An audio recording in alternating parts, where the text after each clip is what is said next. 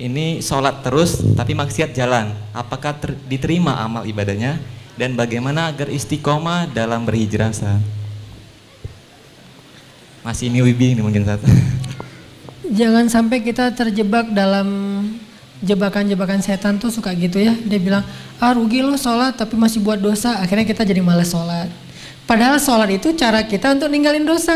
Inna sholata tanhal fasya wal mungkar. Itu sifat dari sholat itu mencegah kita dari dosa. Udah Ustaz tapi nggak tercegah.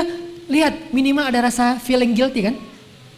Itu bukan bukankah itu bagian dari progres spiritual dalam diri kita? Dulu kita kan nggak feeling guilty berbuat dosa. Sejak kita mulai sholat, berbuat dosa mulai feeling guilty kan, walaupun nggak langsung bisa meninggalkan, itu udah progres loh. Dan itu udah terbukti bahwa sholat itu benar-benar tanha al wal mungkar. Mulai ngerasa nggak enak, mulai ngerasa malu. Dulu nggak ada malunya, malah bangga lagi berbuat dosa. Sekarang malu. Bukankah malu itu bagian dari iman? Berarti sholat membangun keimanan kita merasa nggak enak sama Allah bukankah muraqabah itu bagian dari iman merasa dipantau oleh Allah mulai merasa setelah itu nyesal dulu nggak ada nyesalnya habis buat dosa biasa aja malah bangga malah cerita-cerita sekarang malah nyesel masih buat dosa sih tapi setidaknya udah nyesal maka terusin sholatnya perbaiki sholatnya Allah akan perbaiki diri kita dari dosa jadi fokus kita perbaiki sholatnya oh mungkin sholat kita masih kurang tepat waktu oh mungkin sholat kita masih belum di masjid Oh mungkin sholat kita belum di soft pertama. Oh mungkin sholat kita belum banyak tambahin dengan gimmick sunnah-sunnahnya. Oh mungkin sholat kita belum banyak ditutup dengan istighfar setelah sholatnya, doa dan seterusnya. Perbaiki sholat kita, Allah akan perbaiki hidup kita.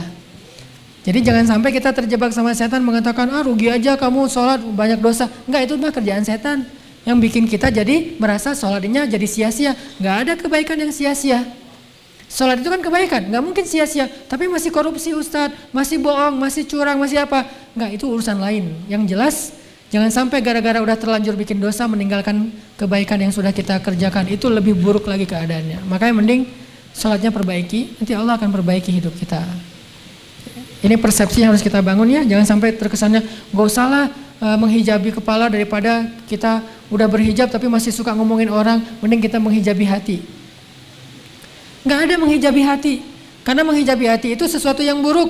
Khatamallahu ala qulubihim. Allah menutup hati mereka kan? Hati itu jangan ditutup, hati itu dilapangkan, dibuka. Alam nasyrah laka sadrak. Jadi yang benar menutup kepala, membuka hati, bukan menutup hati, membuka kepala kebalik. Menutup hati, membuka kepala. Summum bukmun umyun. Bahaya tuh. Khatamallahu ala qulubihim. Bahaya tuh. Kalau menutup ha, hati. Tapi kalau menutup kepala membuka hati memang harusnya kayak gitu. Jadi bukan sebaliknya menutup hati membuka kepala. Ini persepsi persepsi, eh, persepsi umum yang disebut dengan syubhat. Pemahaman-pemahaman yang keliru di antara umat Islam yang mudah-mudahan bertahap kita perbaiki. Termasuk tadi, ah sia-sia sholatnya masih bikin dosa enggak.